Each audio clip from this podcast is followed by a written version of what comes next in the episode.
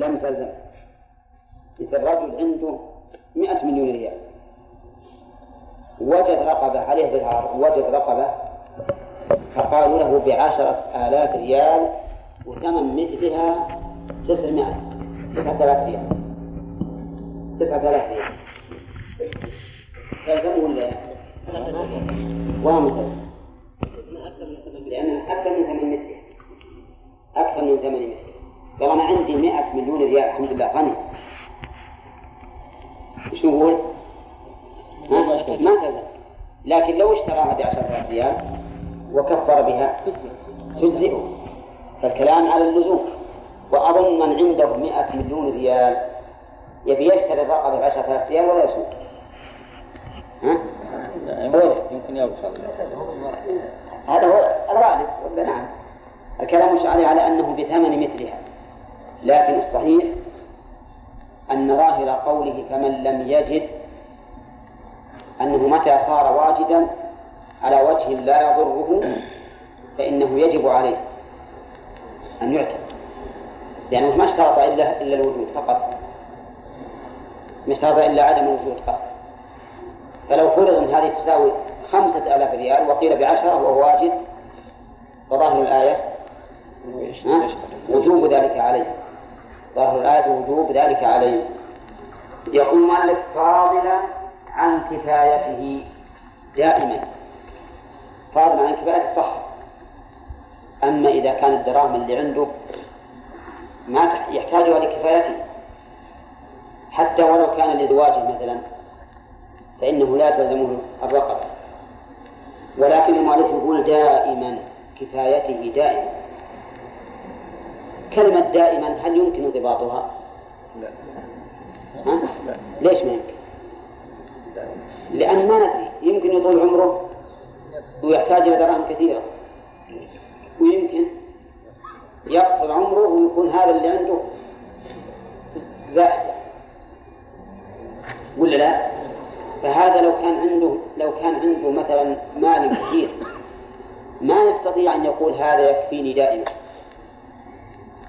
هو لا. ولو كان عنده أقل ما يستطيع يقول هذا لا يكفيني دائما والسبب في ذلك لأن الأعمار بيد الله عز وجل. ولأن الأوقات تختلف. يمكن يقدر الإنسان أن نفقته لهذا العام خمسين ألف ريال. ثم تختلف الأسعار وترتفع. فتكفيه الخمسين ولا الخمسون ولا لا؟ ما تكفي. ويمكن يقدر أن نفقته مائة ألف ريال أو خمسين ألف ريال وترخص الأسعار ويكفي عشرون ألف ريال. فهذا أمر لا يمكن انضباطه. وما لا يمكن انضباطه فإن إلزام الناس به عسير.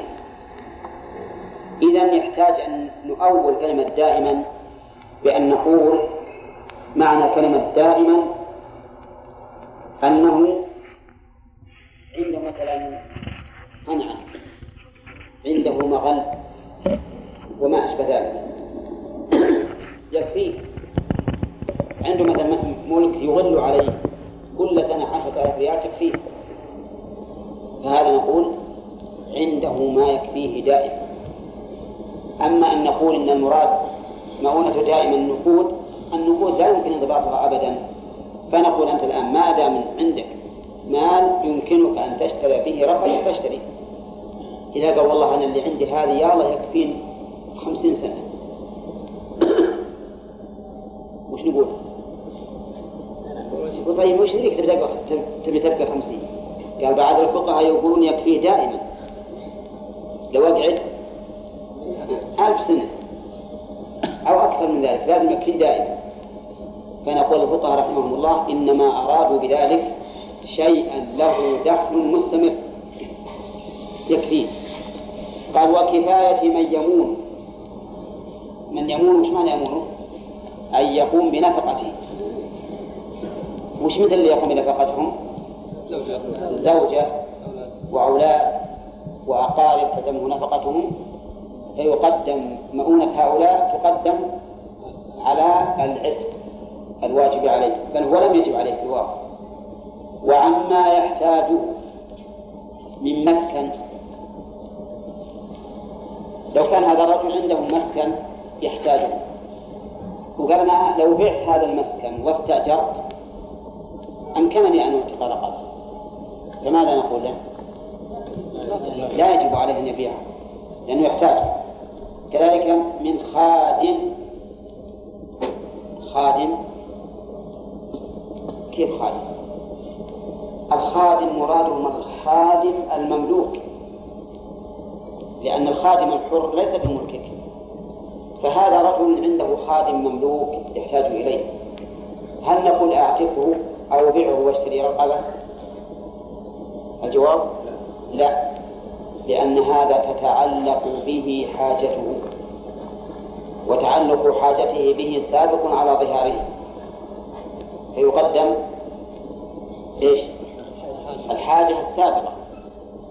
نعم ولهذا قال وخادم ولكن عندي بالشرح قيد يقول إذا كان صالحين لمثله إذا كان مثله يخدم فقيدها بقيدين أولا أنهما صالحان صالحان لمثله. فلو كان المسكن يعني مسكن كبير أكثر من مثله. فإنه يبيعه ويشتري ما يكون صالحا لمثله ويشتري بالفاضل رقبة. والله أعلم. إلا أن الكفار لا تجب لا تثبت بالذمة إلا بالوقت. فلو أنه عزم على استحلالها ولكنه طلقها أو ماتت أو مات هو فلا كفارة نعم. الشيخ اللي ذكرت يمكنه أن يطلق فيها. نعم. وشلون ما لزوجته أنت علي كظهر أمي. فسكت ولم يطلقها. فإنها تكون يكون قد عاد. كيف عاد؟ عاد فلزمته الكفارة عاد إلى إلى إلى, إلى زوجته ما عاد لكن مدة قصيرة. الظهار يمكنه أن يطلق فلا يطلق. فأما لو قال أنت علي كظهر أمي ثم قال فورا أنت طالق. فإن عائدا. لم يكن عائدا لأنه طلقها هذا معنى الكلام. المهم أن القول الراجح في هذه المسألة أن العود هو إيش؟ العزم على الوقت ولكن لا تجب الكفارة إلا بالوقت. يعني ما تثبت في الذمة إلا بالوقت. نعم. رحمه الله. ويلزم إخراجها قبله عند العزم عليه. إخراجها إيش؟ الكفارة. قبله قبل الوقت عند العزم عليه. إذا عزم على الوطن ثم الآن لا يمكن أن تطع حتى تكفر. والمذهب حتى يكفر بالعتق والصيام والإطعام. يعني العتق إن وجد بالصيام إن لم يجد بالإطعام إن لم يستطع الصيام. نعم. ثم قال وتلزمه كفارة واحدة بتكريره قبل التكفير من زوجة واحدة. يعني إذا تكرر الظهار فهل تتكرر الكفارة أو لا؟ يعني إذا قال أنت علي كظهر أمي ثم أعادت فقال أنت علي كظهر أمي. ثم قال أنت علي كظهر أمي. كرر فهل تتعدد الكفارة أو يلزمه كفارة واحدة؟ في التفصيل إن كفر عن الأول كفر عن الثاني. وإن لم يكفر عن الأول أجزأته كفارة واحدة. لو تشوف نقول إن, إن لم يكفر عن الأول كفته كفارة واحدة. وإلا تعددت الكفارة. أما إذا كفر عن الأول ثم أعاد الظهار فواضح أن الكفارة تتعدد لأن هذا الظهار غير الأول. غير الأول ثم إنه صادفه وذمته قد برئت من من الظهار الأول. وأما إذا لم يكفر عن الأول فلأن المظاهر منها واحدة. فالمحل واحد. كما لو حلف أيمانا على شيء واحد مثل أن يقول والله لا أدخل دار فلان. ثم قال مرة ثانية والله لا أدخل دار فلان. ثم ثالثة والله لا أدخل دار فلان. ثم دخل. كم يجب عليه من كفارة؟ لأن المحلوف عليه واحد. فكذلك هنا المظاهر منها واحدة فلا يلزمه إلا كفارة واحدة. طيب. يقول ولظهاره من نسائه بكلمة واحدة. يعني كذلك لا يلزمه إلا كفارة واحدة. مثل أن يقول لزوجاته الأربع أنتن علي كظهر أمي. كما من كفارة؟ واحدة. لماذا؟ لأن الظهار واحد. الظهار واحد. وبهذا نعرف أنه إذا كان الظهار واحدا أو المظاهر منها واحدة فالكفارة واحدة. قال وإن ظاهر منهن بكلمات فكفارات إن ظهر منهن ممن من زوجاته. بكلمات فكفارات يعني على عددهن. بأن قال للأولى أنت عليك ظهر أمي وللثانية أنت عليك ظهر أمي وللثالثة أنت عليك ظهر أمي وللرابعة أنت علي كظهر أمي. كم يلزمه؟ أربع أربع كفارات. لتعدد الظهار والمظاهر منها. طيب لو كفر لو لم يكفر عن الأولى كم يلزمه؟ ولو لم يكفر. وذلك لأن المحل متعدد والصيغة أيضا متعددة. وقال بعض الأصحاب إنه يلزمه كفارة واحدة. كفارة واحدة بناء على أن الكفارات تتداخل وأن الأشياء وأن الأيمان إذا تكررت وموجبها واحد لزمه كفارة واحدة. وهذا هو قياس المذهب في الأيمان لأن المذهب إذا تعددت الأيمان ولكن الكفارة واحدة فعليه؟ كفارة واحدة. فعلى المذهب لو قال لو قال هذا علي حرام. تحريم غير الزوجة يمين على المذهب. وقال والله لا أدخل بيت فلان. وقال والله لا ألبسن هذا الثوب. وقال لله علي نذر أن ألبس العمامة. كم ذولي؟ أربعة أيمان مختلفة حتى بالصيغة. إذا خالف في كل ذا إذا حنث في كل هذه الأيمان ولم يكفر يلزمه على المذهب. كفارة واحدة. لأنهم يقولون إذا كان الموجب واحدا فلا عبرة بتعدد السبب.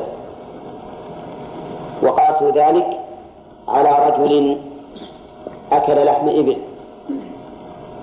وبال وتغوط وخرجت منه ريح. ونام كم ذولي؟ خمسة موجبات للوضوء. كم يلزمهم الوضوء؟ واحد. لا. وضوء لحم الإبل وضوء للبول وضوء للغائط. أول. وضوء النوم وضوء للريح. صح؟ لا. فيقولون ما دامت ما دام الموجب بالفتح واحدا فلا عبرة بتعدد السبب. وبناء على هذه القاعدة عند على المذهب يكون من ظاهر من زوجاته بكلمات كم يلزمه؟ إذا لم يكفر كفارة واحدة. ولكن هم في هذه في هذه المسألة خالفوا القاعدة. وقالوا إنه إذا ظاهر من نسائه بكلمات لزمهن لزمه بعددهن لكل واحد كفارة. نعم. مؤلف فصل وكفارته أي كفارة الظهار عتق رقبة فإن لم يجد صام شهرين متتابعين فإن لم يستطع أطعم ستين مسكينا. هذا الكلام يدل على أن الكفارة على الترتيب ولا على التخيير؟ على الترتيب. أولا عتق رقبة. وسيأتي إن شاء الله شروطه. ثاني إن لم يجد إن لم يجد ثمنا يشتري به الرقبة أو إن لم يجد رقبة وعنده ثمن. كلا الأمرين نعم كلا الأمرين. ولهذا قال الله تعالى فمن لم يجد فصيام. فيشمل من لم يجد الرقبة كما لو كان رجل عنده ملايين الدراهم لكن ما يجد في السوق رقبة تباع.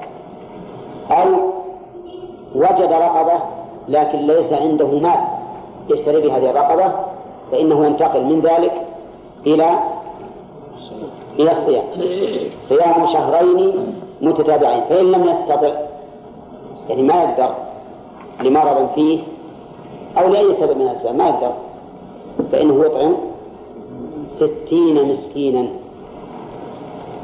وكأن هذا والله أعلم عن كل يوم مسكين لأن الغالب أن الشهرين يتمان أو يقال لأن هذا هو غاية التمام في الشهور فلما جاء البدل وهو الإطعام صار ستين مسكينا وقوله مسكينا هنا يشمل الفقير ولا لا؟ ها؟ يشمل الفقير نعم قال ولا تلزم الرقبة ولا تلزم الرقبة طيب قبل هذا متى يعتبر الوجود والعجز أو الاستطاعة يعتبر عند وجوب إيش؟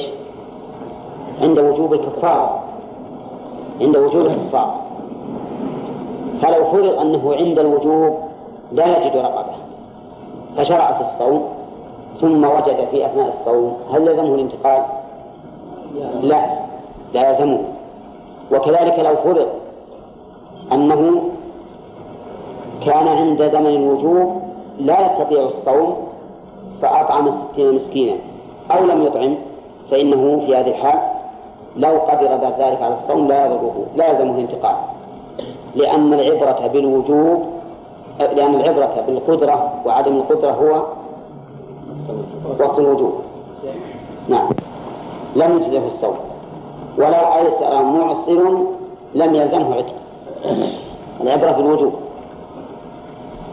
يقول ولا تلزم الرقبة إلا لمن ملكها أو أمكنه ذلك بثمن مثلها فاضلا عن كفايته دائما وكفاية من يمونه وعما يحتاجه من مسكن وخادم ومركوب وعرض بذلة وثياب تجمل ومال يقوم كسبه بمؤونته وكتب علم ووفاء دين. الحمد لله. الأمر ميسر. ما تلزم الرقبة إلا لمن ملكها. وش معنى ملكها؟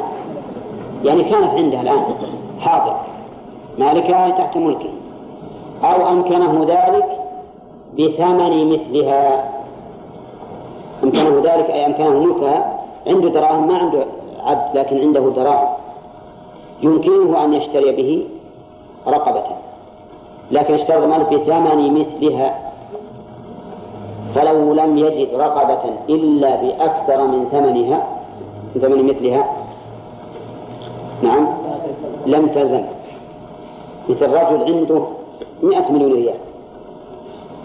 وجد رقبة عليه ظهار وجد رقبة فقالوا له بعشرة آلاف ريال وثمن مثلها تسعمائة تسعة آلاف ريال. تسعة آلاف ريال. تلزمه ولا لا؟ ما تلزم لأنه أكثر من ثمن مثلها أكثر من ثمن مثلها قال أنا عندي مئة مليون ريال الحمد لله غني. وش نقول؟ ما تلزم. لكن لو اشتراها بعشرة آلاف ريال وكفر بها. تجزئه. فالكلام على اللزوم وأظن من عنده مئة مليون ريال يبي يشتري الرقبة بعشرة آلاف ريال ولا يسوق. ها؟ هذا هو الغالب. ولا نعم. الكلام مش على على أنه بثمن مثلها. لكن الصحيح أن ظاهر قوله فمن لم يجد أنه متى صار واجدا على وجه لا يضره فإنه يجب عليه أن يعتق. يعني ما اشترط إلا إلا الوجود فقط. ما اشترط إلا عدم الوجود قصد.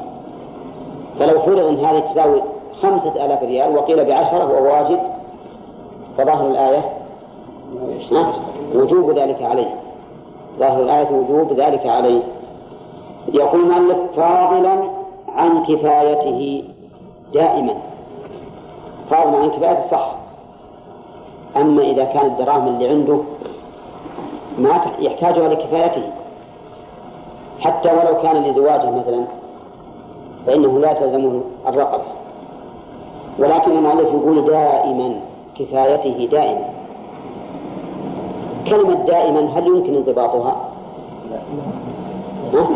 ليش ما يمكن؟ لأن ما ندري يمكن يطول عمره ويحتاج إلى دراهم كثيرة. ويمكن يقصر عمره ويكون هذا اللي عنده زائد. ولا لا؟ فهذا لو كان عنده لو كان عنده مثلا مال كثير ما يستطيع أن يقول هذا يكفيني دائما. ولو كان عنده أقل ما يستطيع يقول هذا لا يكفيني دائما. والسبب في ذلك لأن الأعمار بيد الله عز وجل. ولأن الأوقات تختلف. يمكن يقدر الإنسان أن نفقته لهذا العام خمسين ألف ريال. ثم تختلف الأسعار وترتفع. فتكفيه الخمسين ولا الخمسون ولا لا؟ ما تكفي. ويمكن يقدر أن نفقته مئة ألف ريال أو خمسين ألف ريال. وترخص الأسعار ويكفيه عشرون ألف ريال. فهذا أمر لا يمكن انضباطه. وما لا يمكن انضباطه فإن إلزام الناس به عسير. إذا يحتاج أن نؤول كلمة دائما بأن نقول معنى كلمة دائما أنه عنده مثلا صنعة عنده مغل وما أشبه ذلك. يكفيه عنده مثلا ملك يغل عليه كل سنة عشرة آلاف ريال تكفيه. فهذا نقول عنده ما يكفيه دائما. أما أن نقول أن المراد مؤونة دائما النقود النقود لا يمكن انضباطها أبدا. فنقول أنت الآن ما دام عندك مال يمكنك أن تشتري به رقم فاشتري. إذا قال والله أنا اللي عندي هذه يا يكفيني خمسين سنة. وش نقول؟ وش ذيك تبي تبقى خمسين. قال بعض الفقهاء يقولون يكفي دائما. لو أقعد ألف سنة أو أكثر من ذلك لازم يكون دائما. فنقول الفقهاء رحمهم الله إنما أرادوا بذلك شيئا له دخل مستمر. يكفيه. قال وكفاية من يمون. من يمون وش معنى يمونه؟ أن يقوم بنفقته. مش مثل اللي يقوم بنفقتهم؟ الزوجة وأولاد وأقارب تلزمه نفقتهم فيقدم مؤونة هؤلاء تقدم على العتق الواجب عليه بل هو لم يجب عليه في الواقع. وعما يحتاجه من مسكن لو كان هذا الرجل عنده مسكن يحتاجه. وقال لو بعت هذا المسكن واستأجرت أمكنني أن أعتق رقبة فماذا نقول له؟ لا يجب عليه أن يبيعه لأنه يحتاج. كذلك من خادم خادم كيف خادم؟ الخادم مرادهم الخادم المملوك. لأن الخادم الحر ليس في ملكك. فهذا رجل عنده خادم مملوك يحتاج إليه. هل نقول أعتقه؟ أو بيعه وأشتري رقبة؟ الجواب؟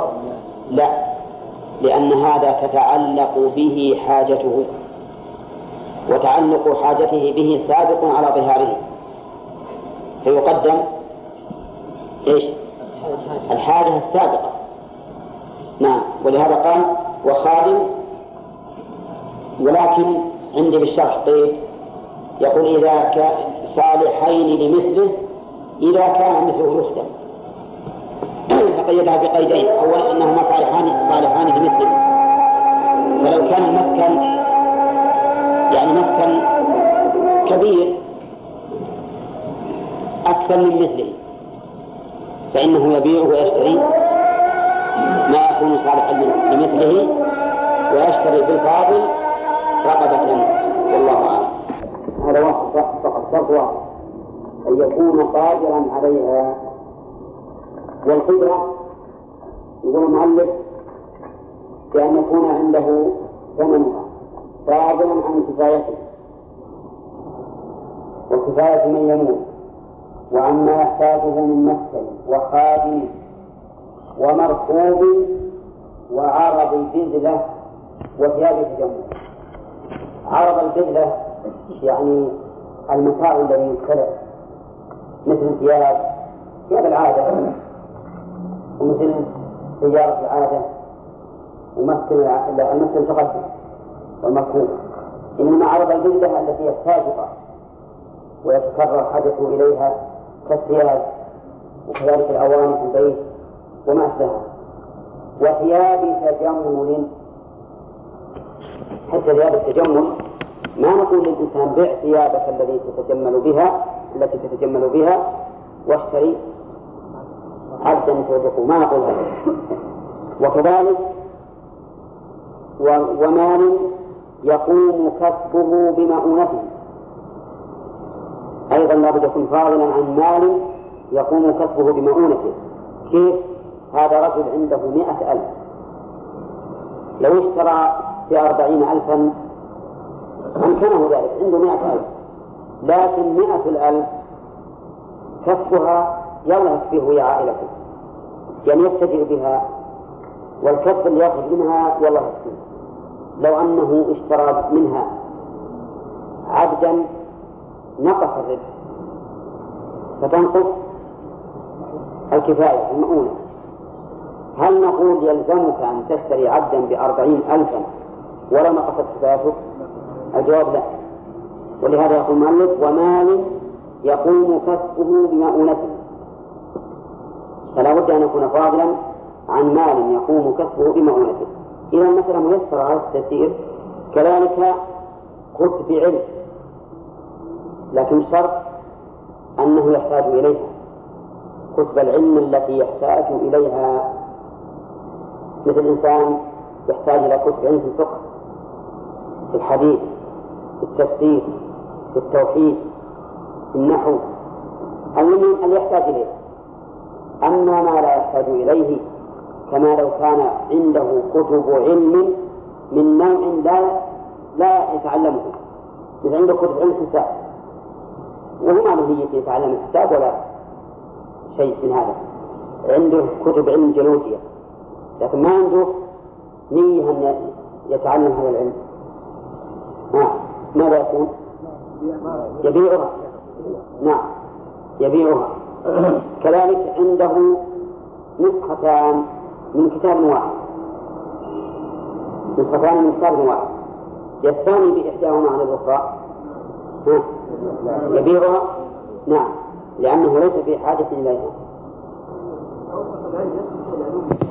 نعم. وإن كتب علم يحتاج إليه. يقول ووفاء دين هذا بعد من أهم شيء. هذا إنسان عنده مئة ألف لكن عليه ثمانين ألف. ماذا يكون؟ لسد الدين أولا. فإذا بقي شيء بعد الدين وهو ما يحتاجه لما ذكر قبل اشترى به. وإلا فلا. وفاء الدين من أهم شيء. حتى إن الإنسان يجوز أن يعطى من الزكاة لوفاء دينه. ثم قال ولا يجزئ في الكفارات كلها إلا رقبة مؤمنة. ولا يجزئ في الكفارات كلها. قد يقول قائل إن ظاهر المؤلف إن كل الكفارات فيها رقبة وليس كذلك. وإنما مراده ولا يجزئ في الكفارات التي تحرر فيها الرقبة التي تحرر فيها الرقبة. ونحسنها الآن. كفارة الظهار وكفارة القتل وكفارة اليمين وكفارة الوطي في رمضان في شيء آخر. لك ما؟ طيب. كفارة لبس المقيس في الإحرام. ما ما فيها؟ كيف؟ طيب. كفارة الجماع في, في الإحرام. ما فيها؟ طيب لو قال بدل ما أذبح شاة بعتق عبد ما نعم. طيب يقول إلا رقبة لا يجزئ في الكفارات كلها إلا رقبة مؤمنة. إلا رقبة مؤمنة. رقبة يعني دون رأس ودون ظهر ودون صدر. هكذا هذا من باب إطلاق الجزء على الكل. نعم. ولا يمكن إطلاق جزء على كل إلا أن هذا الجزء شرط في وجوده. هذه قاعدة مهمة يعني ما يمكن تقول أعتق أصفر لأن لأنه قد يزول الأصبع والحياة باقية. وأما رقبة لو زالت الرقبة يموت. ولهذا إذا عبر الله تعالى عن الصلاة بالركوع والسجود دل على أن الركوع والسجود واجبات فيها نعم. طيب الآن رقبة مؤمنة مؤمنة. المراد بالإيمان هنا مطلق الإيمان لا الإيمان المطلق. المراد مطلق الإيمان لا الإيمان المطلق. وأظن بينهما فرقا. الإيمان المطلق الكامل كالذي في قوله تعالى إنما المؤمنون الذين إذا ذكر الله وجلت قلوبهم وإذا تليت عليهم آياته زادتهم إيمانا وعلى ربهم يتوكلون. وأما مطلق الإيمان فإنه يشمل من آمن وإن لم يكن على هذا الوصف. نعم كثير من الناس الآن مؤمنون وهم على هذا الوصف. هل إذا ذكر الله وجدت قلوبهم وإذا تليت عليهم آياته زادتهم إيمانا. ما كل الناس المؤمنين هكذا فالمراد هنا مطلق الإيمان. فيشمل الفاسق. ها؟ نعم يشمل الفاسق. لأن المراد مطلق الإيمان. لا الإيمان المطلق. طيب رقم مؤمنة نشوف الآن الدليل على أنه لا بد من الإيمان في جميع الكفارات. كفارة القتل الإيمان فيها صريح. منصوص عليه.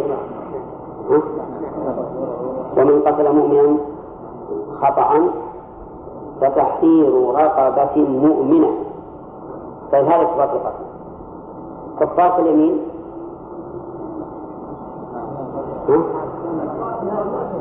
فكفارته إطعام عشرة مساكين. من أوسط ما تطعمون أهليكم أو كسوتهم. أو تحرير رقبة. فمن لم يجد فصيام ثلاثة طيب كفارة الصهار كيف؟ والذين على الإنسان مثل ما ما قالوا فتحرير رقبة من قبل أن يتماس ما ذكر طيب هذا هذا الذي في القرآن كفارة كفارة الوطي في رمضان ثبتت في السنة. قال النبي عليه الصلاة والسلام للرجل هل تجد رقبة؟ قال لا. قال لا. ولقى المؤمنة فإذا كانت أربعة نصوص ليس فيها التقييد بالإيمان ونص واحد فيه التقييد بالإيمان. وهذا النص الواحد يفترق عن عن البقية بأنه أعظم. أعظم منه من وجه. وإن كان أخف منها من وجه. اللي فيها التقييد بالإيمان ما هي؟ كفارة القتل وهي أعظم من الموجبات الأخرى. أعظم من الظهار أعظم من الجماع في نهار رمضان وأعظم من الحنس في اليمين. من وجه وأخف منه من وجه لأنها خطأ. لأنها خطأ وهذه عنه على كل حال هذه المسألة المؤلف رحمه الله كما فهمتم يشترط الإيمان في كل الكفار. كل الكفارات لا بد من الإيمان. ودليله يقول لأن الله اشترط الإيمان في كفارة القتل فقيس الباقي عليه. في القياس. نعم. لأن الموجب واحد وهو عتق الرقبة. ولأنه ثبت عن النبي صلى الله عليه وسلم أن رجلا قال يا رسول الله إن علي رقبة وإني أريد أن أنفق هذه. فقال لها أين الله؟ قالت في السماء. قال من أنا؟ قال أنت رسول قالت أنت رسول الله. قال أعتقها فإنها مؤمنة. ولم يستقصد الرسول عليه الصلاة والسلام ما هذه الرقبة التي عليه. فدل هذا على أن الإيمان شرط في جميع في جميع ما في جميع الرقاب الواحد. لأنه قال إن علي رقبة في جميع الرقاب الواجبة ودليله عدم الاستفصال عدم الاستفصال. ثم نقول أيضا من جهة النظر إذا أعتق الرقبة وهي كافرة فإننا لا نأمن أن يلحق بالكفار. لا نأمن أن يلحق بالكفار لأنه كافر. إذا كان مملوك ما يقدر سيده. لكن إذا أعتق يلحق بالكفار لأنه تحرر ما لأحد عليه قول فإذا كان كذلك يعني يخشى من هذه المفسدة فإنه لا يحفظ الكافر. بل يبقى. وهذا القول كما ترون رجحانه قول أما الذين قالوا إن الله تعالى أطلق في أربع في ثلاثة في موضعين وقيد في الثالث والرسول عليه الصلاة والسلام أطلق في الموضع الرابع. فكلامهم جيد لولا ما يعارضه. ومن ثم اختلف العلماء في غير كفارة القتل هل يشترط الإيمان أو لا يشترط؟ والراجح الاشتراط لقوة دليله وتعليله ولأنه أحوط وأبرأ للذمة. أليس كذلك؟ أحوط وأبرأ للذمة يقول لا رقبة مؤمنة ثانيا سليمة من العيوب سليمة من عيب يضر بالعمل ضررا بينا. سليمة من عيب. الإمام فهمنا في الاشتراط سليمة من عيب يضر بالعمل ضررا بينا. العيوب على حسب ما قال المؤلف تنقسم إلى ثلاث أقسام قسم لا يضر بالعمل أبدا. قسم آخر يضر بالعمل لكن ضررا خفيفا. والقسم الثالث يضر بالعمل ضررا بينا. فأما القسمان الأولان الضرر الذي لا يضر بالعمل إطلاقا أو يضر به ضررا خفيفا فإنهما لا يمنعان من إجزاء الرقبة. تبارك وأما ما يضر بالعمل ضررا بينا فإنه لا تجزئ فيه الرقبة. لا تجزئ فيه الرقبة. مثاله يقول آه كالعمى. عبد أعمى وعلي كفار. مؤمن. ما يتعدى المسجد. وعليه كفار. علي أنا كفارة هل أعتقه في الكفارة؟ لا. لا أعتقه في الكفارة. لماذا؟ قالوا لأن المقصود من العتق هو أن يملك الإنسان نفعه وكسبه وهذا إذا أعتق صار عالة على غيره لأنه قبل أن يتحرر من الذي ينفق عليه؟ سيده ويلزم بذلك أما الآن فإنه يبقى عالة ومتعب حتى هو نفسه إذا أعتق يجد أن نفسه في فراغ من الذي ينفق عليه. فلهذا لا يثبت وقال بعض أهل الظاهر إنه يثبت. إنه يثبت. لأن الله عز وجل ما ذكر في القرآن إلا الإيمان فقط. وهذا وإن كان لا يستطيع العمل لكنه يتحرى من سيده. ويجد نفسه الآن حرا طليقا يذهب حيث شاء ويرجع حيث شاء فهو يستفيد من هذا الأجر. نعم. ولكن جمهور العلماء حتى إن بعضهم حكاه إجماعا يقول لابد أن يكون سليما مما يضر بالعمل ضررا بينا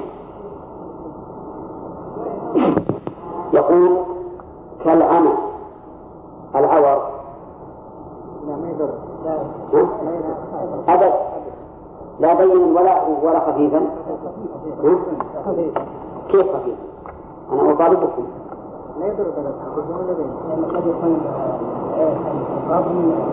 قد يكون. قد تكون بعد المذكر يصاب منه كل جميع مرة واحدة ما معنا ما معنا ما يجوز الأعور. لماذا؟ قال قياسا على العورات الأخرى؟ نعم. ما تقول في هذا قياس يقول إذا كان برحاب لا. أما إذا كان مو مرحم به فإنه يعمل لكن في الحقيقة هو عمل هو يعني إن سلمنا أنه يضر بالعمل يضر ضررا خفيفا لا يمنع من العمل. العمل كذلك السير والشلل بيد أو رجل.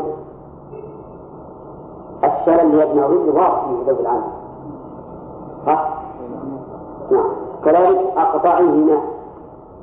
أقطع اليد أو الرجل وهذا ظاهر ثانيا يعني أو أقطع الأصبع الوسطى أو السبابة أو الإبهام الوسطى سبابة الإبهام ها؟ يعني الإبهام والوسطى وما بينهم إذا أقطع واحد منهم فإنه يضر بالعمل. ضررا بينا. لا سيما إذا كان في اليد اليمنى يضر إن كان كاتب يمكن ما يكتب إن كان خياط ما يعرف يخيط نعم. ها؟ وعند الحامل كذلك. نعم. ولكن لا شك أنه إذا قال أقطع الوسطى فقط. ما هو غرام إلا ذلك لكن هم يقولون يضر. أو أو أو الأنملة من الإبهام. الأنملة من الإبهام. كم في الإبهام من الأنملة؟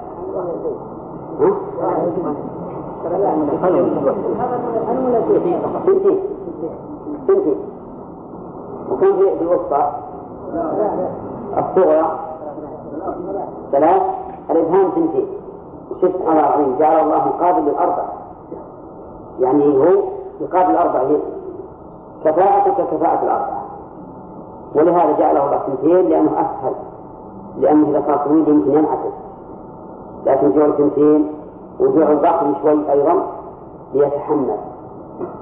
ولهذا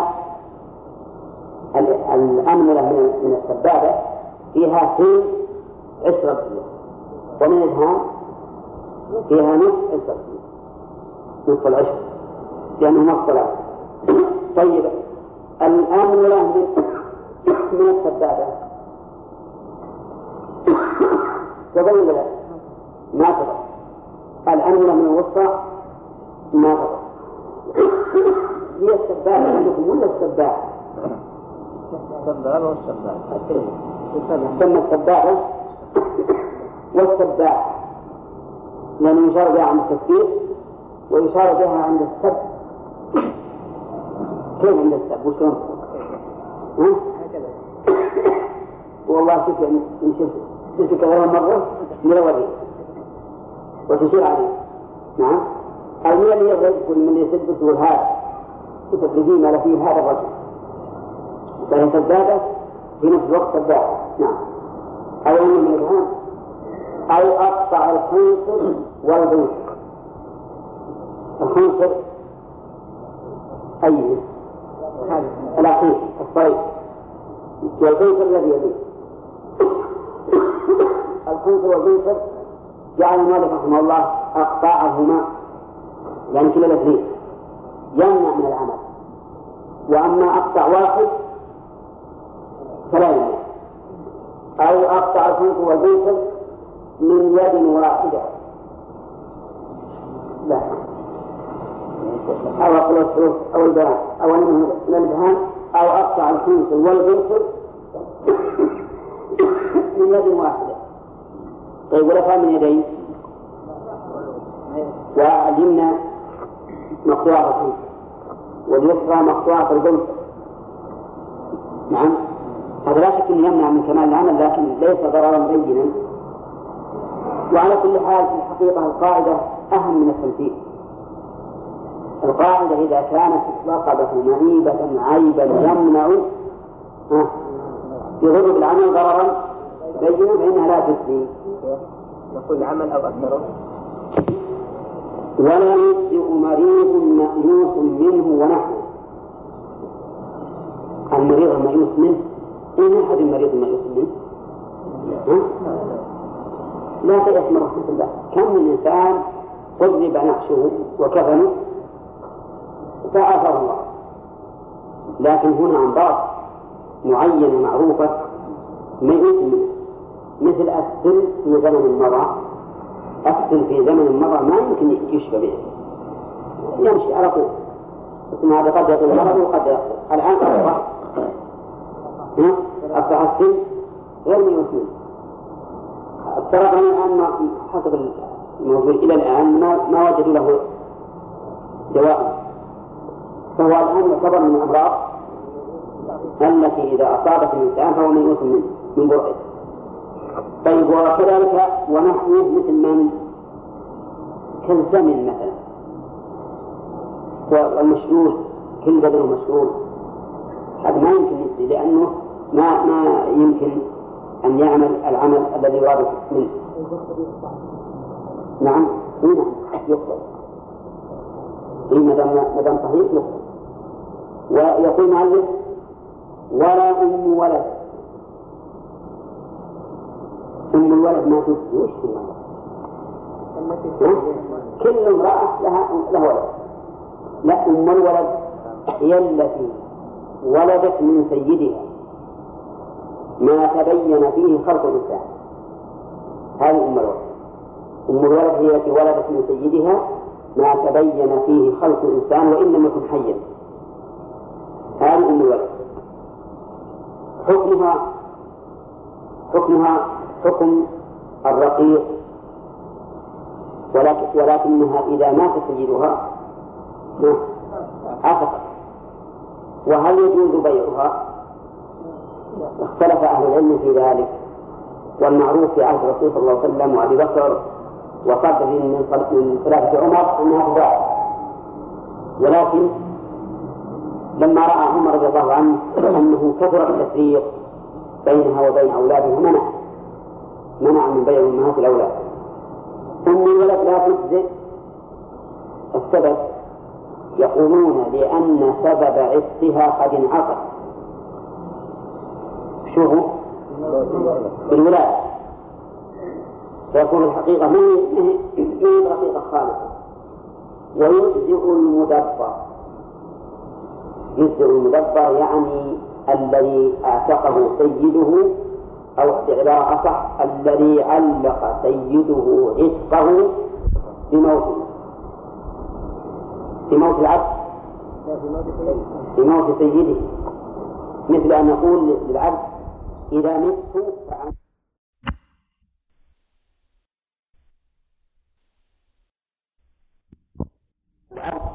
مت فأنت حر هذا يسمى مدبرا لماذا؟ لأن لأن عتقه دبر حياة سيده. عتقه كان دبر حياة سيده أي بعدها المدبر ليس كأم الولد. المدبر يجوز بيعه. فالملك فيه تام لأنه ما ما يمكن يعتق ولا انعقد فيه السبب الكامل إلا بعد موت. السيد. ولهذا لو باع الإنسان المدبر يجوز ولا لا؟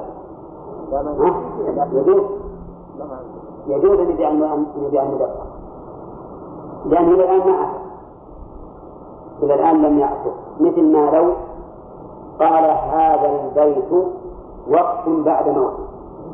هذا البيت وقف بعد موته. فله أن يبيعه ولا لا؟ له أن يبيعه. أن يبيعه لأنه إلى الآن ما صار وقفا. يقول ولد المدبر وولد الزنا. ولد الزنا. كيف ولد الزنا؟ صور علينا صور ها؟ تصور ولد زنا رقيق. إيه؟ تصور هذا ما يلعب المحارب في الكفار وهو ولد زنا.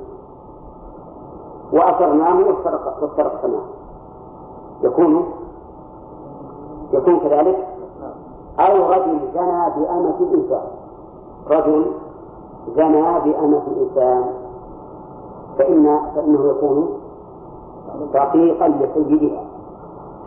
رقيقا لسيدها. لأنه مملوك. طيب. رجل تزوج بامرأة. أنا. وجارة عيال تزوج بواحد. شرعا صحيح. إيش حكم أولاده؟ ها؟ الإبقاء. الإبقاء تبعا للأم. ولهذا قال الإمام أحمد رحمه الله إذا تزوج الحر أمة رق نصفه. يعني صار نصفه رقيقا. وش نصفه؟ أي نعم. نعم والأحمق. يجزئ ويكفي الأحمق. وش الأحمق؟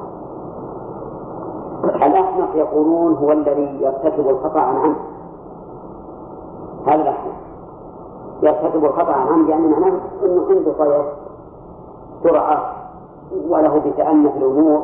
نعم. هذا الأحمق المرهون يجزئ يجزئ ساق المرهون مرهون يعني هذا السيد راهن عبده لشخص يطلبه دراهم. إذا حل الدين ولم يوفي وش يسوي بالعبد؟ إذا ويوفى دينه فهل يجزئ هذا المرهون في إعتاقه؟ المؤلف يقول لك ولكنه سبق لنا في باب الرهن أن عتق الراهن لا يصح لأنه تعلق به حق من؟ حق المرتهن فأنت إذا إذا اعتقد صار ما عاد ينتفع المرتهن به. فيكون في ذلك إسقاط لحق المرتهن ولهذا سبق في باب الرهن أن الصحيح أن عتق الراهن للمرهون لا يصح. وبناء على ذلك القول الصحيح هل يصح إعتاقه بالكفارة؟ لا. لا يصح لأنه مرهون. والجاني الجاني الجاني يصح أنه يعتق يصح أن يعتق الجاني يعني هذا عبد قاسم شخص. قاسم شخص. وليش الذي يقتل اعتقته اعتقته عن كفارة عليه. يجزي ولا لا؟ ها؟ المذهب يقول يجزي المؤلف يقول يجزي نعم يجزي لماذا؟ قال لأنه ربما يعفى عنه فقتله غير متعين هذا قتل غير متعين أليس من الممكن أن يعفى عنه؟ من الممكن أن يعفى عنه لكن يمكن نفسه من هذا الشيء لأن هذا العبد الآن تعلق النفس به ليس كتعلقها بمن ليس بجانب. كيف نقول هذا الرجل لم شاف انه بيقتل عبد وراح يعرفه نعم ما يستطيع ولهذا المسألة فيها نظر هذه. فبعض العلماء يقول إن الجاني لا يصح أن ينفق في الكفار. لأن الجاني بسبب أن يقتل. فهو ناقص القيمة. الآن لو تبيعه وش يسوى؟ ليس يعني ما كان شيء قليل. ما كان الدواء يرجو أن يرجع عنه أو يروح تسبب لعله يرفع عنه والأمة الحامل ولو استثنى حملها. الأمة الحامل. تجزي؟ حامل. في الشهر التاسع نعم. وامرأة كبيرة البطن وثقيلة.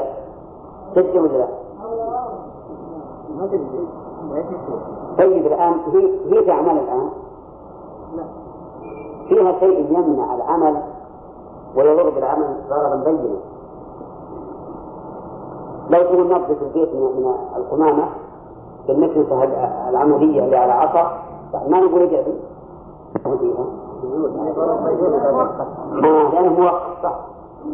لأن هذا موقف ومعتاد طيب إذا قال قائل خلوا يعتقها وحملها معه نقول لا ما لو استثنى حملها فلا حرج. لو استثنى حملها فلا حرج. فيقول أنت حرة إلا ما في بطنك. بدون نعم. مشهور يا أخوان. لا لا دعني التفريق ربما إنه ما يفرق يعني ما يلزم هذا. ولهذا لو أعتق الأم والولد منفصل يرضع منها جاءت بالاتفاق لكن هذا أعتقها واستثنى حملها. الحمل الآن مشهور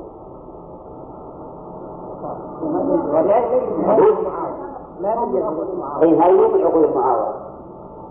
الشيء المجهول ما يجوز في المعاوضات. لأن بادل العوض مخاطر. نعم؟ ودائما أمره بين بين الغرم والغنم. أما ما ليس فيه عوض فيجوز ولو كان مجهولا. مع أنه سبق لنا يا إخوانا في البيع ولا أدري هل تذكرون أم لا. وإن الظاهر إن أن الشيء البعيد ما هو يذكر مر علينا أن الإنسان لو باع شيئا واستثنى الحمل نعم. المذهب لم يصح لكن قلنا من الصحيح أنه يجوز يجوز لأن الحمل معلوم. ما هو شيء يبي ينقص عين المبيع ليس ناقصا عن المبيع الحمل منفصل نعم. فكما لو باعها وهي حائل يصح كذلك باعها وهي حامل يستثنى الحمل. وقد سبق لنا أنه يجوز أن يبيع الشيء ويستثني حمله. وأوردنا عليكم الثاني وهو أن الرسول عليه الصلاة والسلام نهى عن بيع الحمل. فكيف تجيزون الاستثناء؟ وعجبنا عن ذلك لأن الحمل استثناء الحمل في استبقاء. ما هو ملك؟ أنا عندما أقول بيتك هذه البقرة وهي حامل إلا حملها ما شريت الحمل منك. حتى أكون قد دللت فيه شيء مجهولا دللت عوضا في مجهول. وإنما هو استبقاء. استبقاء وفرق بين الاستبقاء وبين تجديد المعاوضة المهم أن هذا أنا قد نستطرد لأجل تذكير ما مضى. لتذكير ما مضى. والحاصل أنه يجوز أن يعتق الحامل في الكفارة ويستثني حمله. ولكني أريد منكم أن تأتوا لي بمثال يكون الحمل فيه رقيقا.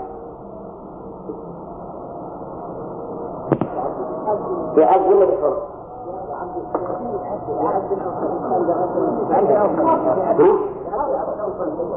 بعبد أو حر إذا زوج أمته بعبد أو حر فإن الولد يكون رقيقا لسيدها. وإذا زوجها بحر واستثنى الحمل فقد تقدم أنه يجوز. إذا قال أنا عليك قضية الحمل فهو جائز. يقول ولا ولا يستثنى حملها.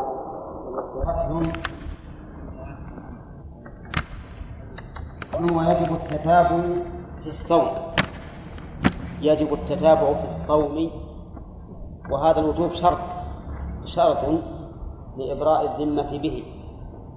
فلو صام متفرقا لم يجزئ لقوله تعالى فمن لم يجد فصيام شهرين متتابعين. فصيام شهرين متتابعين. فاشترط الله تعالى في ذلك التتابع. وعلى هذا فلو صام متفرقا نعم لم يصح. ولو صام مستمرا لكن نوى في يوم من الأيام أنه عن يوم عاشوراء مثلا أو عن يوم عرفة. ينقضى ولا لا؟ هذا رجل إلى اليوم الثامن من الحجة قد صام ثمانية وخمسين يوما وفي يوم عرفة نوى أن الصوم هذا عن يوم عرفة. ماذا نقول له؟ نقول انقطع التتابع وتستأنف. تستأنف من جديد. يستأنف من جديد. يبدأ الشهرين من جديد. إذا قلنا يستأنف وش معناه يعني؟ يبدأ من جديد. يبدأ من جديد وتلغو الأيام السابقة. إلا أنه في بعض الأحيان يستثنى المسائل الآتية. أولا إذا تخلله رمضان فإنه يصوم رمضان. وذلك لأن أيام أيام رمضان لا تصلح لغيره. فلو صام شهر شعبان ثم دخل رمضان وجب عليه أن يصوم عن إيش؟ عن رمضان فإذا انتهى فإنه يبتدئ يكمل من اليوم الثاني من شوال. يكمل من اليوم الثاني من شوال حتى يتم الشهرين. هذا واحد. وإنما إذا فإن تخلل رمضان لم ينقطع التتابع لماذا؟ تعليل. لأن رمضان لا يصح صوم غيره فيه. نعم. كذلك تخلله فطر يجب. رمضان صوم يجب. رمضان صوم يجب. أو تخلله فطر يجب. كعيد. كعيد يعني كفطر العيد. فقولك كعيد على تقدير مضاف. أي كفطر عيد. عيد يشمل عيد الفطر وعيد الأضحى. إذا تخله فطر يجب مثل يوم العيد فإنه لا يقطع كتابه. كذلك إذا تخلله فطر يجب كأيام التشريق. أيام التشريق يجب فطرها ولا يصح صومها إلا في حالة واحدة وهي من لم يجد الهدي. من المتمتعين والقارنين فإنه يصوم أيام التشريق. وعلى هذا فإذا أفطر أيام التشريق لم يقطع الكتاب فهذا رجل ابتدع صيام الشهرين من أول يوم من ذي الحجة. فصام تسعة أيام وجاء رمضان وجاء العيد وهو اليوم العاشر.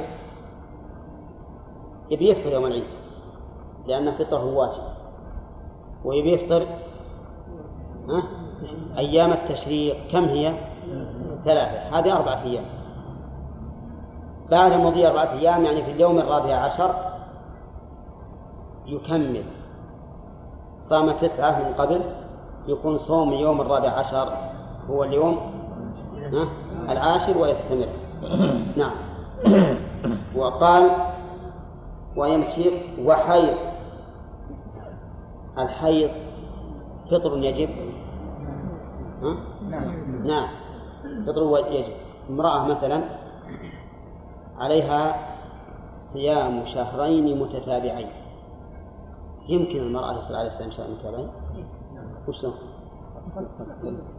في القتل لكن المؤلف يرى أنه يمكن في الظهار. لأنه سبق لنا أن المؤلف يرى أن المرأة إذا قالت لزوجها أنت علي كظهر أبي فليست مظاهرة وعليها كفارة. وسبق أن هذا قول ضعيف. وأن الصواب أنه ليس عليها إلا كفارة يمين. لكن يمكن أن يلزمها صيام شهرين متتابعين في القتل الخطأ وفيما لو جامعها زوجها وهي راضية في نهار رمضان وهي صائمة يمكن. المهم أن هذا فطر يجب لا يضر. كذلك جنون.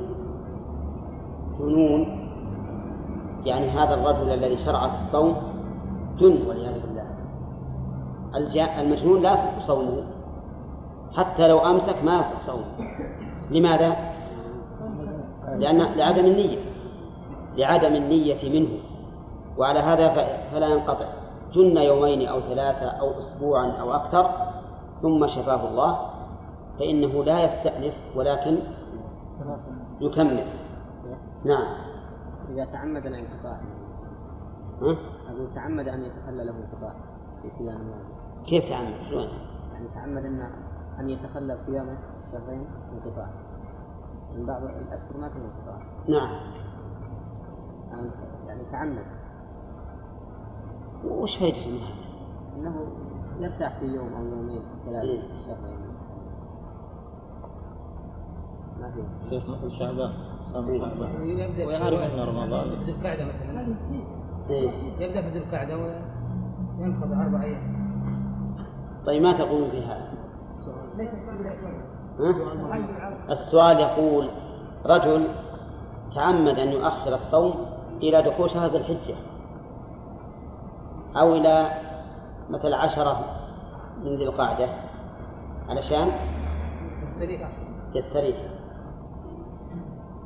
ما تقولون في هذا؟ إيه. الظاهر إنه ما يحب إن هذا حرام عليه ما يجوز. إنه ما يجوز إنه يتعمد لأن الله تعالى اشترط الشهرين متتابعين فإذا تحيل على إسقاط هذا الشرط لم يسلم تخيل في شيء جائز لا ما يجوز إلا إذا صادف هذا. أما يتعمد الظاهر ما ما يجوز. فيستأنف من جديد. يستأنف من جديد. نعم. ما هي مباح مباح إذا إذا إذا, تخلله بدون قصد. مثل ما لو أن رجلا يباح له الفطر في الصوم فلو تحير من أجل أن يفطر سافر لأجل أن يفطر ماذا يكون؟ حرم الفطر والسفر لأن أصل التتابع واجب. فإذا تحيل على إسقاطه ولو بشيء أباحه الشارع فإنه حرام لأن هذا مباح بدون قصد. كل الحيل إذا تحيل الإنسان بشيء مباح لأن هو لا يمكن يتحيل إلا بشيء مباح. الشيء المحرم ما يمكن يتحيل به لأنه محرم. أو ت... أو تخلله طيب الحاج. نعم. كان عليه هدي يعني يلزمه ثلاثة أيام في الحج. نعم. ينقطع به أو لا؟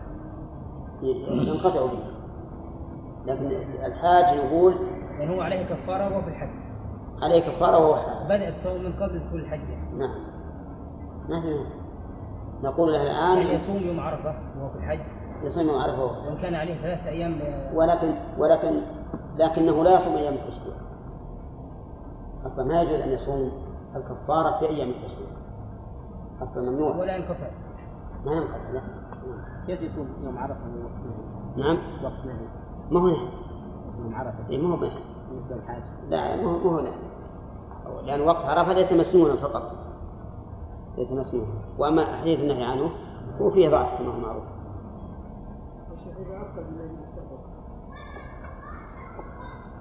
كيف؟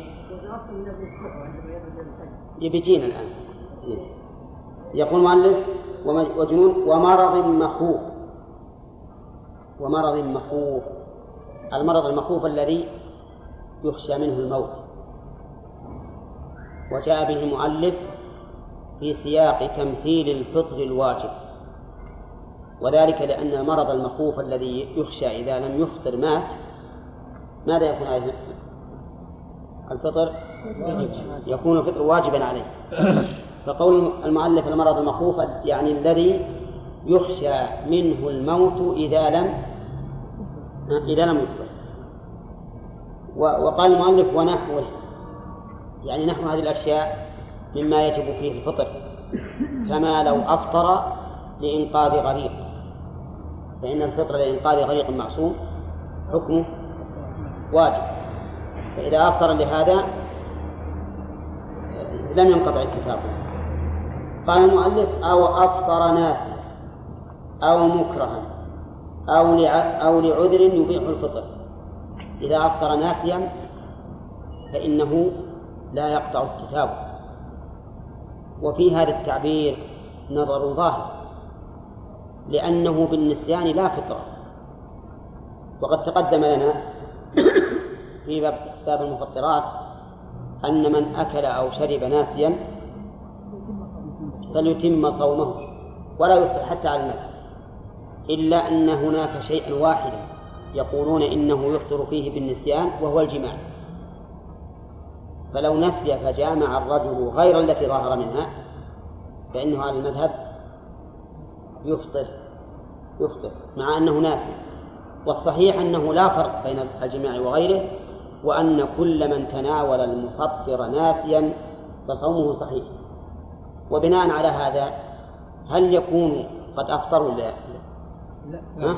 لا يكون قد أفطر بل التتابع موجود لكن هذا بناء على المذهب حيث يرون رحمهم الله أن من أفطر بالجماع ناسيا فعل فإنه يفطر نعم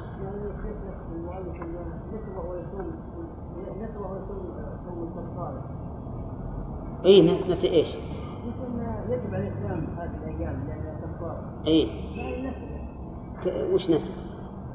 ما عليه لا هو يقول أفطر ناسيا يعني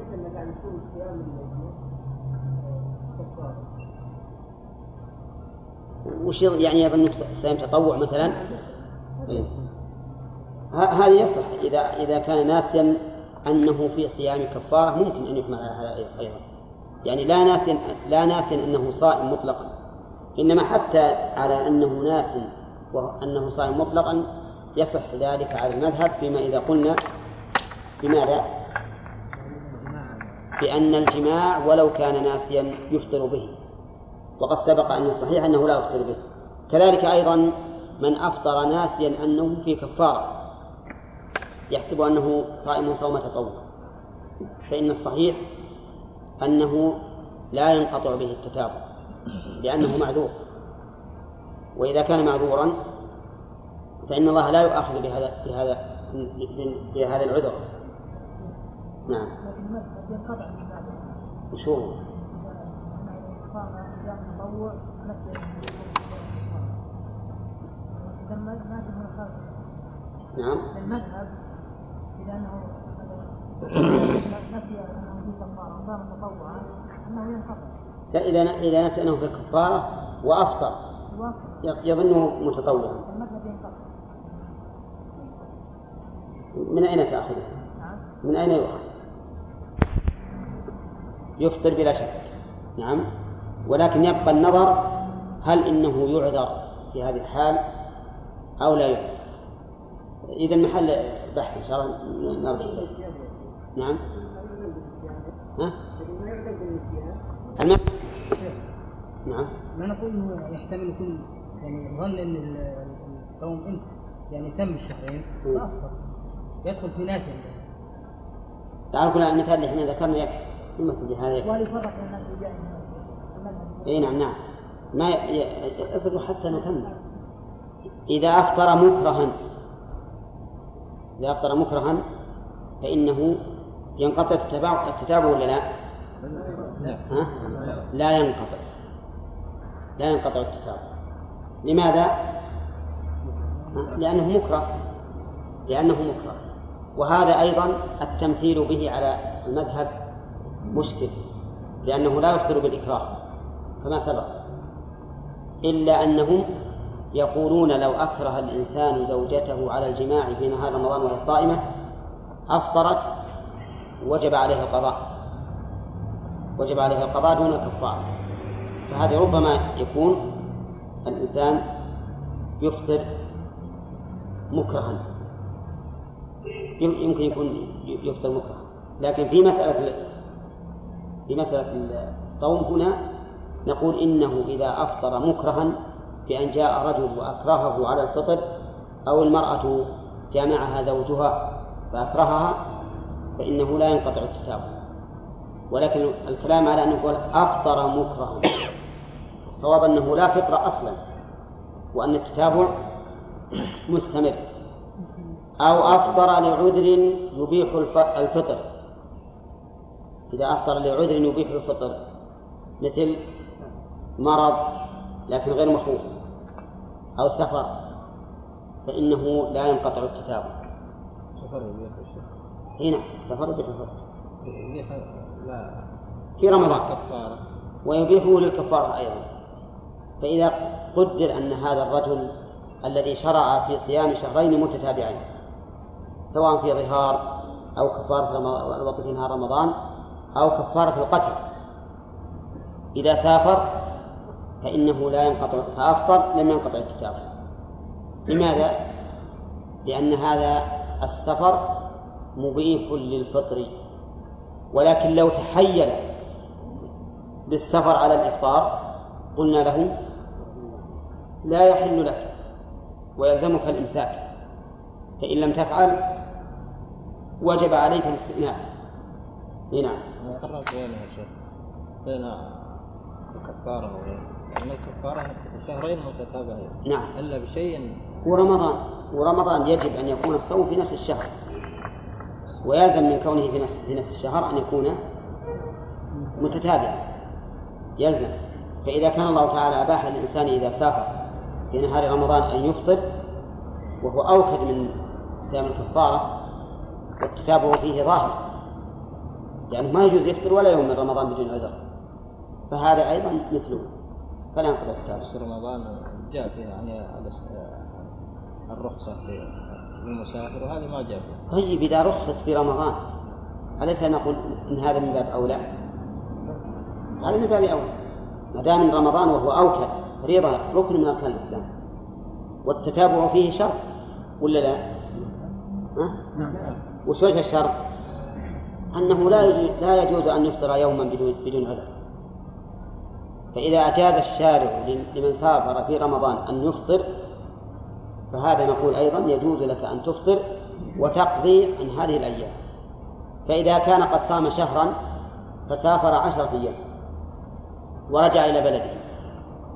يكمل ولا يستأنف؟ يكمل فيصوم شهرا. يصوم شهرا. ولا حرج عليه. نعم. يقول إنه في الاكراه إنه فرقنا بين الاكراه والإكراه أهم شيء الضوابط إذا أفطر الآن لصوم يجب أو لفطر يجب أو لفطر مباح فإنه لا ينقطع الكتاب فإن أفطر لصوم مستحب أو صوم مباح ينقطع التتابع؟ زين. إذا في ثلاث حالات لا ينقطع إذا أفطر لصوم يجب مثل كرمضان أو لفطر يجب كأيام الأعياد وأيام التشريق والمرأة في الحيض. ومن كان مريضا يخشى بصومه التلف. نعم. أو الضرر أيضا على القول الراجح لأنه ما يجوز أن يفعل ما فيه ضرر على نفسه. ففي هذه الحال نعم. أو أفطر لسبب يبيح الفطر. نعم. فإنه لا ينقطع التتابع مثال الأخير قلنا السفر والمرض الذي يشق عليه الصيام فيه ولكنه لا يضره. يقول لم ينقطع التتابع والسبب في ذلك لأنه أفطر لسبب يبيح الفطر في رمضان. هذا بالنسبة للمسألة الأخيرة. أما بالنسبة للمسألتين الأوليين وهو وجوب الصوم ووجوب الفطر فلأنه أفطر فلأن التتابع انقطع. نعم. لأمر واجب عليه. ثم انتقل المؤلف من بيان الصيام إلى بيان الإطعام. فقال ويجزئ التكفير بما يجزئ في فطرة فقط. وهذه المرتبة الثالثة في كفارة الظهار. وهي إطعام ستين مسكينا. أولا هل يشترط أن يكون المساكين بهذا العدد؟ أو المراد إطعام طعام ستين مسكينا؟ المراد الأول. لأن الله قال إطعام ستين مسكينا فلا بد من العدد. فلو أطعم ثلاثين على يومين نعم.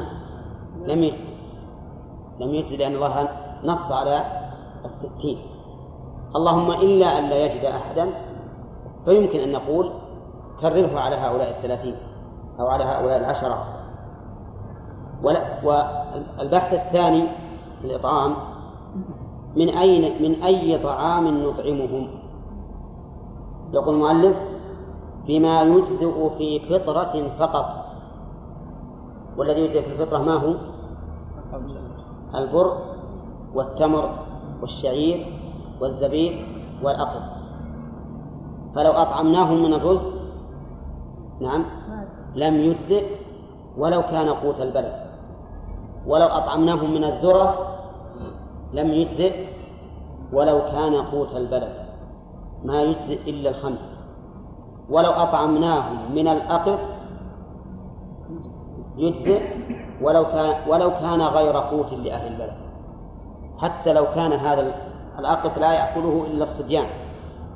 كشرط لهم وطاحة لهم فإنه يجزئ. على كلام المؤلف. نعم. والشعير الآن والشعير الآن غير مطعوم. الشعير الآن لا يطعم لا قوتا ولا غير قوت. فإنه يجزي ولكن الصحيح في هذه المسألة أنه يجزئ التكفير بما يكون طعاما للناس. هذا الصواب. لأن الله قال إطعام ستين. فذكر الإطعام ولم يذكر من أي نوع. نعم. ما ذكر من أي نوع يكون. فيرجع في ذلك إلى ما جرى به العرف. كما قال أشار إليه الناظم في قوله وكل ما أتى ولم يحدد بالشرع كالحرز فبالعرف احددي لما جاء في حد في الشرع فإنه يرجع فيه إلى العرف. فيطعمون بما يطعم الناس في وقتهم. وعندنا اليوم يا عيسى عندنا؟ ها؟ عندنا أرض ولا عندنا اللي ما يطعم. لا اللي يطعم. الرز الآن هو اللي أكثر الناس على عليه. نعم. وعلى هذا فيجوز إطعامهم من البر من الرز. يجوز إطعامهم من الرز. ويأتي إن شاء الله. ولا يجزئ من البر أقل من مد ولا من غيره أقل من مدين. هذا مقدار. صار الجنس جنس الطعام على المذهب. ما يجزئ في الفطرة وهي خمسة. المقدار قال لا يجزئ من البر أقل من مد. ما هو المد؟ المد ربع الصاع لصاع النبي صلى الله عليه وسلم. وصاع النبي صلى الله عليه وسلم أقل من صاعنا الآن أقل بالخمس. أقل منه بالخمس وخمس الخمس. يعني معناها أنك تضيف إلى صاع النبي صلى الله عليه وسلم تضيف ربعا وتضيف أيضا خمس الربع. ويكون على مقدار الصاع الموجود هنا القصيم. وقد حررناه وجدنا صاع النبي عليه الصلاة والسلام كم؟ ألفين جرام وأربعين جرام. يعني كيلوين وأربعين جرام. فإذا أطعم الإنسان على هذا القدر من البر كفى. أما غيره فلا بد أن يكون من مدين يعني نصف الصاع. وش غير البر على المذهب؟ تمر والشعير والزبيب والأقر هذه نصف صاع والمد والبر مد. ما هو الدليل على هذا التفريق؟ مع أن النبي عليه الصلاة والسلام قال لكعب بن عجرة أطعم ستة مساكين لكل مسكين نصف فما هو الدليل على هذا التفريق؟ يقولون إن الدليل على هذا التفريق أن معاوية رضي الله عنه حين قدم المدينة وكثرت فيها كثر فيها البر قال إني أرى أن المد من هذا يعدل مدين من التمر. فأخذ الناس به في عهد معاوية وصاروا يخرجون في الفطرة نصف صاع. فقالوا الفقهاء إننا نجعل الواجب من البر على النصف من الواجب من غيره. مع أنهم في باب في باب صدقة الفطر. وافقوا معاوية ولا لا؟ ما وافقوا خالفوا. وقالوا يجب صاع حتى من البر. وهذا فيه شيء من التناقض. ولهذا الصواب أننا إذا أردنا أن نقدر إذا أردنا أن نقدر فإما أن نقدر بنصف الصاع وإما أن نقدر بما يكفي الفقير من كل الأصناف يعني من البر ومن غير البر. وأما أن نفرق بدون دليل من الشرع فإن هذا لا ينبغي. طيب إذا الجنس ها ما يجزئ بالفطرة. على المذهب. والمقدار مد من البر أو مدان من غيره. طيب من الذي يصف إليه؟ قال ممن يجوز دفع الزكاة إليهم. ممن يجوز دفع الزكاة إليه وظاهر كلام الماتن الإطلاق.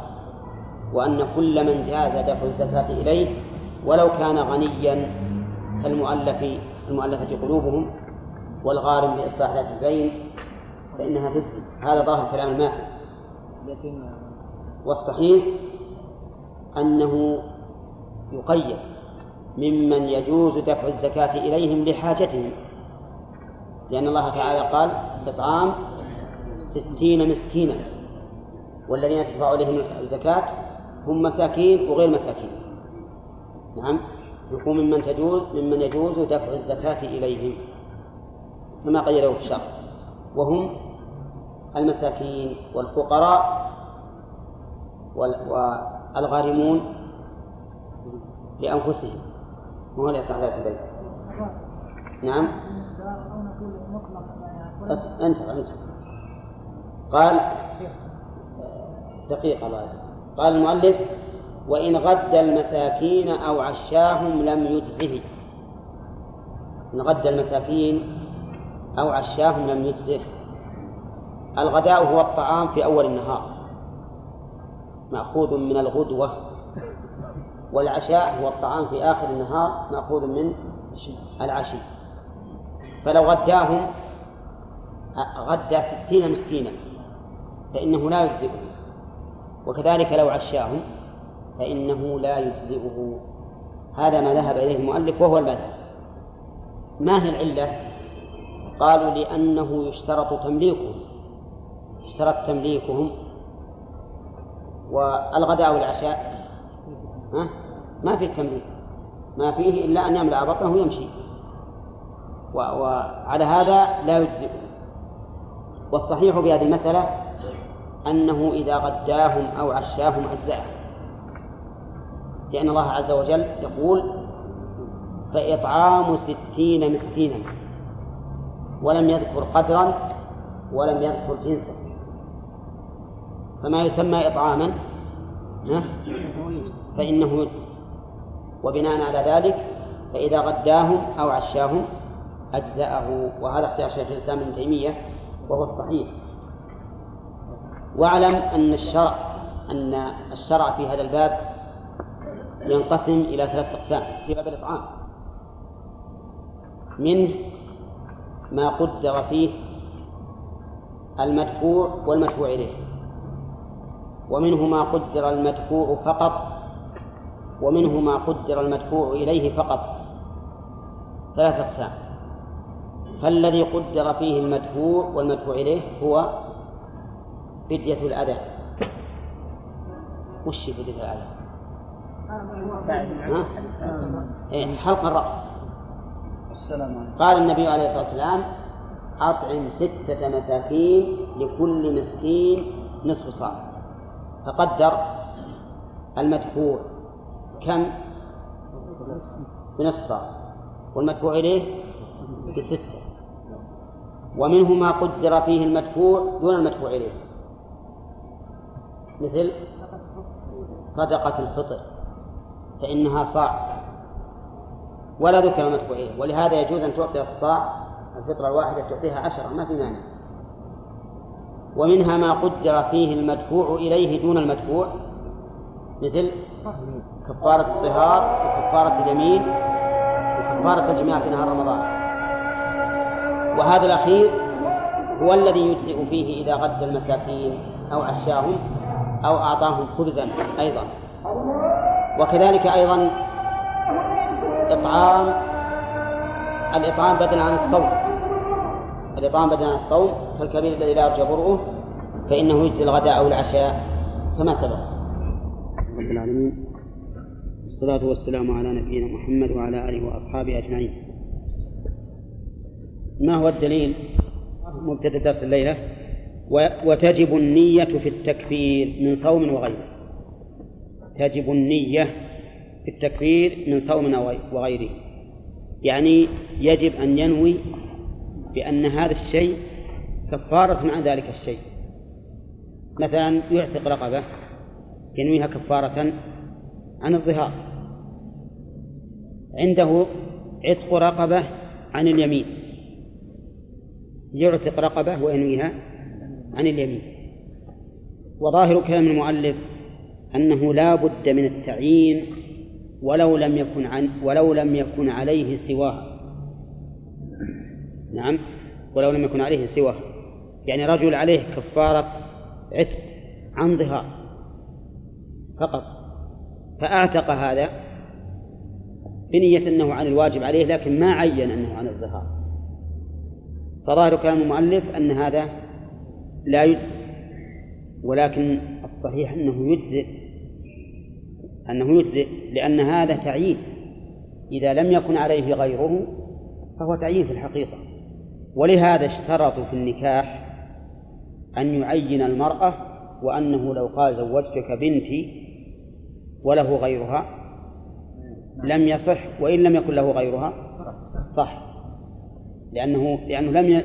لأنه لما لم يكن إلا واحد انصرف الشيء إليه فإذا نوى عن كفارة وليس عليه إلا كفارة الظهار هذا العتق يجزئ عنه. وقول المؤلف من صوم وغيره هو من صوم وغيره. وش غير الصوم؟ العتق والإطعام. العتق والإطعام. الصوم ينوي أنه صائم عن كفارة الإطعام. وهل يشترط التتابع؟ يعني أن ينوي التتابع ولا لا؟ لا ما شرط ما شرط. هو ينوي كل يوم بيومه. ونية التتابع ليست بشرط كما أنه في رمضان ينوي كل يوم بيومه ولا يشترط أن ينوي التتابع. نعم. نعم. بالضرورة. بالضرورة. هذا أيضا ما دام يعرف أن الحكم التتابع وهو من يوم يشرع. وهو ناوي التتابع. نعم لو فرض أنه انقطع التتابع بما لا يقطعه فهو لا بد يجدد النية. مثلا لو سافر فإذا رجع لا بد أن يجدد النية. وإلا في الأصل التتابع. طيب وهل يجب أن ينوي لكل يوم؟ نعم يجب أن ينوي لكل يوم. لكن على القول الصحيح إذا شرع فيه وقد نوى أن يستمر. فالصحيح أنه مو بلازم أن ينوي لكل يوم من ليلته. وينبني على ذلك ما لو نام بعد العصر إلى أن طلعت الشمس من الغد. فإن قلنا بوجوب التعيين في الليل ها لم يصح صيام ذلك اليوم. وإن قلنا بأنه لا وإن قلنا بأنه لا يشترط فإنه يصح. وهذا هو الصحيح. حتى في رمضان. حتى في رمضان. نعم. الفعل ما يحتمل نحكي إيش؟ يقول الفعل ما يحتمل بالنسبة للكتابة إلا. لكن قد لا ينوي من الأصل. من الأول يبشر على أنه كبار الظهار ويغيب عن ذهنه أنه متتابع. وإن أصاب المظاهر منها ليلا أو نهارا انقطع التتابع. وإن يقول إن أصاب المظاهر منه المظاهرة بالفتح. يعني وإن أصاب المرأة المظاهرة منه يعني التي ظاهرة منه أصابها ليلا أو نهارا انقطع التتابع مثال ذلك هذا رجل شارع في صيام الشهرين المتتابعين ولما مضى خمسة أيام جامع الزوجة في الليل. وهو وقت الصيام. يقول المؤلف إنه ينقطع التتابع وعلى هذا فيستأنف من جديد. لو صام شهرا وثمانية وعشرين يوما ثم جامعها يستأنف.